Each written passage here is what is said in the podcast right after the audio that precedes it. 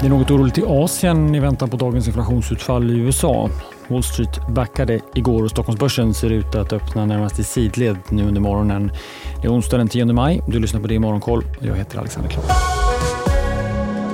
Ja, det mesta neråt i Asien. Tokyobörsen är ner en halv procent. Mitsubishi stiger nästan 4 procent efter vad som beskrivs som ett rekordresultat i sitt första kvartal. Hongkongbörsen däremot backar något mer än Tokyobörsen i Fastlandskina faller börserna. Shanghai är ner nästan en halv procent. Shenzhen en halv procent. Vi fick ju starkare exportsiffror från Kina igår. Imorgon väntas kinesisk inflation. Den är redan låg, kom in på 1 procent senast och väntas nu sjunka under en halv procent i årstakt. Idag ser vi fram emot amerikansk inflation. Den väntas ligga kvar på 5% samma nivå vi såg förra månaden. Nu höjde den amerikanska centralbanken räntan så sent som förra veckan, vilket betyder att det kommer en hel del data innan nästa räntebesked. Men Fed vill såklart se att deras räntehöjningar biter och att inflationen inte kommer överraska genom att stiga mer än väntat. Samtidigt har flera indikatorer de senaste veckorna stärkt bilden av att inflationen sjunker och det finns en förväntan i marknaden om att Fed vill pausa sina höjningar. Men igår sa för övrigt Fed-chefen i New York att Fed är redo för fler räntehöjningar om inflationen inte kommer ner på acceptabel nivå. Wall Street stängde ner igår som sagt. Nasdaq och S&P backade kring en halv procent vardera. Bland enskilda bolag så föll hemuthyrningstjänsten Airbnb 12 procent i efterhanden efter sin rapport som siffermässigt slog förväntan både för omsättningen och resultatet. Men Airbnbs utsikter för det andra kvartalet var svagare än väntat. Betaltjänstbolaget Paypal föll lika mycket efter sin rapport och liksom Airbnb kom omsättning och resultat in högre än väntat för kvartalet.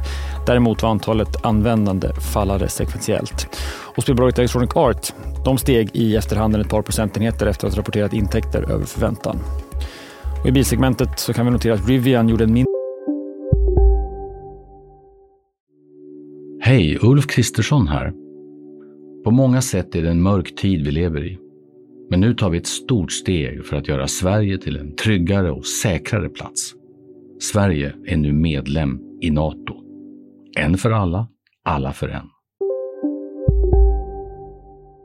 mindre förlust än väntat. Omsättningen var något bättre än väntat och aktien steg 5% medan lyxpristillverkaren Lucid backade drygt 5% Utanför börsen var det mycket fokus på att president Biden träffade republikanska ledare för att diskutera möjligheten för staten att undvika att slå i skuldtaket. Det kom inga nyheter från mötet annat än att Biden bland annat sa att han skulle kunna avstå från planerade utlandsbesök senare i maj för att fokusera på att man ska nå en överenskommelse. USA är på väg att slå i skuldtaket i juni och det skulle betyda att stora delar av statsapparaten stängs ner. Sveriges och läkemedelsbolaget Sobi lägger bud på det amerikanska läkemedelsbolaget CTI Biopharma. Budet är på 17 miljarder kronor och kommer möjliggöras genom en företrädesemission på ungefär halva beloppet. Sobis största ägare Investor med knappt 35 procent av bolaget stödjer köpet och kommer teckna sin del av emissionen, meddelar investmentbolaget. Sobi säger att förvärvet kommer ge en stark positiv effekt på både omsättning och marginal. En del rapporter idag. Kjell Company redovisar ett klart lägre resultat än i fjol. Justerade bita uppgick till drygt 11 miljoner kronor mot 24 i fjol och den justerade ebitda-marginalen blev 1,9 procent. Flera rapporter under morgonen, bland annat från SBB-avknoppningen Neobo. Inga nya besked från just SBB. Det var en historisk dag igår, ett historiskt ras när aktien tappade nästan 25 procent. Aktien har fallit 40 procent bara den här veckan. Igår uttalade sig bolagets ordförande Lena Schuss och sa att han inte förstod marknadsreaktionen som startade i och med att bolaget fick sänkt kreditbetyg. Och därefter har en rad nyheter följt. Vi kommer att fortsätta rapportera kring SBB härnäst i Börsmorgon i DTV med start kvart i nio eller som podd klockan 11. Idag ser vi också fram emot svensk makro. Vi får industriproduktion under morgonen. Men huvudnumret är som sagt amerikansk inflation som alltså väntas komma in på 5% i årstakt. Siffran kommer klockan 14.30 och DTV sänder i samband med detta.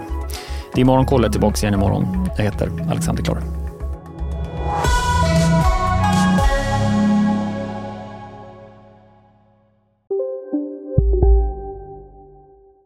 Har du också valt att bli egen?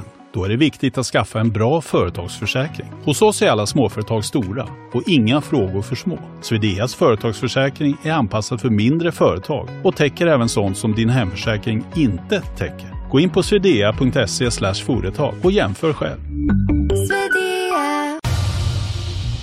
Expressen gör varje vecka podden Politikrummet där vi djupdyker i det senaste och viktigaste inom svensk politik. Med mig, Filippa Rogvall, som programledare tillsammans med mina vassa kollegor. Och det är ju ni som heter Thomas Nordenskjöld, Anette Holmqvist och Viktor Bartkron. Politikrummet kommer med ett nytt avsnitt varje tisdag. Vi hörs.